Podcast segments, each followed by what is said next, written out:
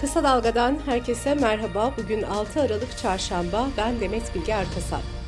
Gündemin öne çıkan gelişmelerinden derleyerek hazırladığımız Kısa Dalga bültene başlıyoruz. Türkiye bir süredir sosyal medya fenomenlerinin odağında olduğu soruşturmaları konuşuyor. Bu kişilere suç örgütü kurmak, kara para aklamak, yasa dışı bahis gibi suçlamalar yöneltiliyor. Soruşturma kapsamında tutuklu olan Dilan Polat'ın 2019'da Şampiyonlar Ligi notuyla paylaştığı fotoğraftaki 12 fenomenin şirketine kayyım atandı. Bu kişiler daha önce soruşturmaya dahil edilmişti. İçişleri Bakanı Ali Yerlikaya da TikTok yayınları ile ilgili soruşturmalara dair bilgiler verdi. Yerlikaya son 6 ayda TikTok'taki paylaşımlar nedeniyle 1332 hesap yöneticisinden 13'ünün tutuklandığını söyledi. Bakan Yerlikaya, müstehcen içeriklerle canlı yayında gelir sağlayan, çocuk istismarı barındıran içerikler üreten hesap yöneticileri hakkında işlem yapıldığını vurguladı. Bakanın verdiği bilgilere göre 612 hesapla ilgili işlemlerse devam ediyor. Hükümet de sosyal medya üzerindeki mali ve içerik denetimlerini artırmak için harekete geçti. TikTok temsilcileri meclise davet edildi. Sosyal medya platformu TikTok'un temsilcileri 7 Aralık Perşembe günü Meclis Dijital Mecralar Komisyonu'nda soruları yanıtlayacak. İyi Parti Genel İdare Kurulu'nun CHP'nin işbirliği teklifine hayır demesinin yankıları sürüyor. CHP Genel Başkanı Özgür Özel, eski dosttan düşman olmaz, İyi Parti ile bir sıkıntımız olduğunu düşünmeyin dedi. Ankara Büyükşehir Belediye Başkanı Mansur Yavaş da partilerin aldığı kararlara karışmıyoruz, saygı duyuyoruz. Ankara'da 4 milyon 200 bin seçmenin oyuna talibiz diye konuştu. İyi Parti'nin kararı istifaya da neden oldu. Eski Antalya İl Başkanı Ahmet Aydın partisinden istifa etti. Aydın, yerel yönetimi CHP ile uyum içerisinde yürüttüklerini belirterek bunun olumsuz bir noktaya taşınmasına razı olmadığını söyledi. HDP eş genel başkanı Tülay Hatimoğulları partisinin grup toplantısında yerel seçim çalışmalarına değindi. Hatimoğulları, Batı'da adaylık sürecini hızlandırdıklarını söylerken kayyım uygulamasına bir kez daha tepki gösterdi. Bizim olanı geri alacağız dedi. Cumhur İttifakı'nda seçim çalışmaları sürerken İstanbul Büyükşehir Belediye Başkanlığı için adı geçen İçişleri Bakanı Ali Yerlikaya'dan yalanlama geldi. Yerlikaya öyle bir durum söz konusu değil diye konuştu. Agos gazetesi genel yayın yönetmeni Hrant Dink'in katili o gün Samast hakkında silahlı terör örgütüne üye olmamakla birlikte örgüt adına suç işlemek suçundan açılan dava bugün başlıyor. Samast, Bolu Fethiye cezaevinden koşullu salıverme kapsamında 15 Kasım'da tahliye edilmişti. Mahkeme tutanağında Samast'ın bu duruşmaya katılmaması halinde hakkında yakalama kararı çıkarılacağı belirtilmişti. Bursa'da önceki gün peş peşe gelen ve İstanbul'da da hissedilen depremlerin ardından Profesör Doktor Naci Görür'den bir kez daha çok ciddi uyarılar geldi. Kafa TV'nin YouTube'daki yayınına katılan Görür, tam 18 kentin ismini saydı ve bu illerin fay üzerinde olduğunu, 7 ve üzerinde deprem beklendiğini söyledi. Naci Görür'ün saydığı 18 kent şöyle. Eskişehir, Denizli, Muğla, Erzincan, Kayseri, Tokat, Kahramanmaraş, Hatay, Kocaeli, Osmaniye, Bingöl, Konya, Erzurum, Aydın, Balıkesir, Burdur, Manisa ve Hakkari.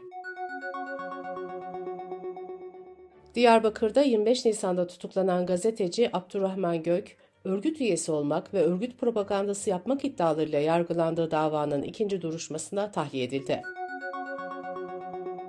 Gazeteci İsmail Saymaz'ın terörle mücadelede görev almış kamu görevlisini hedef gösterdiği iddiasıyla yargılandığı davada da savcı mütalasını açıkladı. Savcı İsmail Saymaz'ın 3 yıla kadar hapiste cezalandırılmasını istedi. Savcı ayrıca kamu görevlisine hakaret suçundan da beraat talep etti. Kızılay'da 2017 yılından itibaren genel müdür olarak görev yapan İbrahim Altan istifa etti. Kızılay Yönetim Kurulu da Kızılay'da genel müdürlük ve CEO'luk makamının kaldırılmasına karar verdi. Bu makamda bulunan tüm yetkiler Kızılay Genel Sekreterine devredilecek. Kısa Dalga Bülten'de sırada ekonomi haberleri var. Geçim sıkıntısı ve hayat pahalılığı icra dosyalarına da yansıdı. CHP milletvekili Ahmet Vehbi Bakıroğlu'nun açıkladığına göre 1 Ocak 1 Aralık 2023 arasında icra dairelerine 12 milyondan fazla yeni dosya geldi. 2023 yılında devreden dosya sayısı ise 24 milyondan fazla. CHP'li Bakıroğlu'na göre bu bir rekor. Çünkü 2015 yılından bu yana bir yılda icra dairelerine gelen en yüksek dosya sayısı 9.3 milyondu. Bakıroğlu, yurttaşın kredi ve kredi kartı borcu altında ezildiğini de söyledi. Vatandaşların bu yıl Ocak-Ekim döneminde kredi ve kredi kartı borcu nedeniyle bankalara ödediği faiz miktarı 282 milyar liradan fazla. Ödenen faiz geçen yılın aynı dönemine göre %91 artmış durumda. Merkez Bankası Kasım ayı enflasyona ilişkin değerlendirmesini yayınladı. Raporda yıllık enflasyonun gıda ve temel mal gruplarında gerilediği, enerji başta olmak üzere diğer ana gruplarda ise yükseldiği ifade edildi. Raporda doğalgaz faturalarının Kasım enflasyonuna %1 etki yaptığı vurgulandı. Türkiye İstatistik Kurumu'nun açıkladığı verilere göre 12 aylık ortalama dikkate alındığında tüketici fiyatları %53.4, yurt içi üretici fiyatları da %53.15 arttı. Vergi uzmanı Ozan Bingöl, özel tüketim vergisine en iyimser tahminle yaklaşık %25 oranında zam yapılacağını söyledi. Dış politika ve dünyadan gelişmelerle bültenimize devam ediyoruz. İsrail Gazze yönelik saldırılarına devam ediyor. İsrail ordusu binlerce kişinin bombardımandan kaçarak sığındığı güney bölgeleri bombalıyor. Birleşmiş Milletler Filistin İnsani İşler Koordinatörü Gazze'de hiçbir yerin güvenli olmadığını ve gidecek yer kalmadığını söyledi. Gazze şeridinde internet ve iletişim hizmetlerinin tamamen kesildiği bildirildi. Gazze'de ayrıca bulaşıcı hastalık riski de artıyor. Birleşmiş Milletler bağırsak enfeksiyonları ve cilt hastalıklarının arttığını açıkladı. İsrail ordusu Dünya Sağlık Örgütü'nden de Gazze'nin güneyindeki tıbbi depoyu tahliye etmelerini istedi. Gazze'deki Sağlık Bakanlığı İsrail saldırılarında 7 Ekim'den bu yana öldürülenlerin sayısının 15.899'a yükseldiğini duyurdu. Gazetecileri Koruma Komitesi ise İsrail'in saldırılarında 63 gazetecinin yaşamını yitirdiğini açıkladı. İsrail'in saldırıları havadan ve karadan devam ederken ABD basını İsrail'in Hamas'ın Gazze'deki yeraltı tünellerine deniz suyu basmayı planladığını yazdı. Böyle bir hamlenin Gazze'nin temiz su kaynakları ve altyapısına zarar vereceği ifade edildi. İngiltere, ülkeye yasal yollardan gelen göçmen sayısını azaltmak için nitelikli iş gücünde kapsayan yeni önlemler açıkladı. Yeni kurallara göre yabancı kalifiye iş gücünün ülkede çalışabilmek için yılda kazanması gereken maaş 33 bin dolardan 48 bin 900 dolara çıkarıldı. İngiltere'ye yerleşen yabancıların aile birleşimi de zorlaştırılıyor. Bunların yanı sıra zorunlu sağlık sigorta ücretleri de 3'te 2 oranında artırılarak 1200 doların üzerine çıkarılıyor. Yunanistan'ın ana muhalefet partisi Syriza parçalandı. Eski Başbakan Çipras'ın istifasıyla başlayan kopuş devam etti ve partiden ayrılan 11 milletvekili yeni meclis grubu kurdu. Yeni oluşumun ismi ise Yeni Sol oldu. 11 milletvekili amaçlarının eski partilerine değil, iktidardaki yeni Demokrasi Partisi'ne muhalefet etmek olduğunu belirtti. Nijerya'nın kuzeybatısındaki Kaduda eyaletinde Müslümanların dini kutlaması sırasında düzenlenen hava saldırısında 85 sivil öldürüldü. Eyalet valisi sivillerin teröristleri hedef alan insansız hava aracı tarafından yanlışlıkla öldürüldüğünü savundu. Almanya hızla ekonomik durgunluğa doğru sürükleniyor. Ülkedeki birçok şirket ekonomideki olumsuz gidişatın 2024'te de devam edeceğini öngörüyor.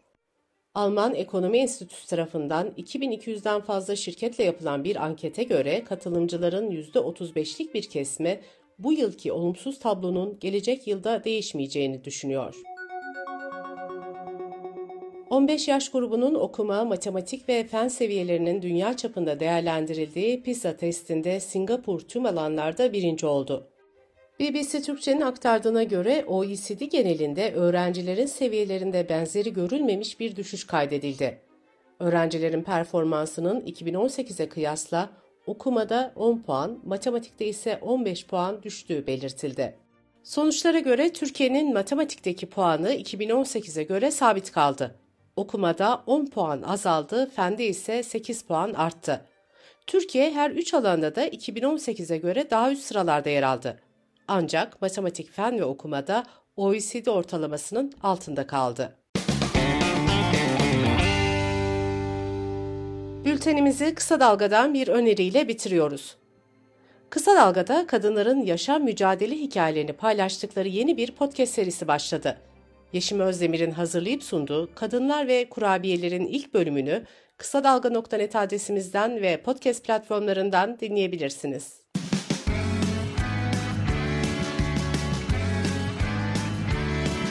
Kulağınız bizde olsun. Kısa Dalga Podcast.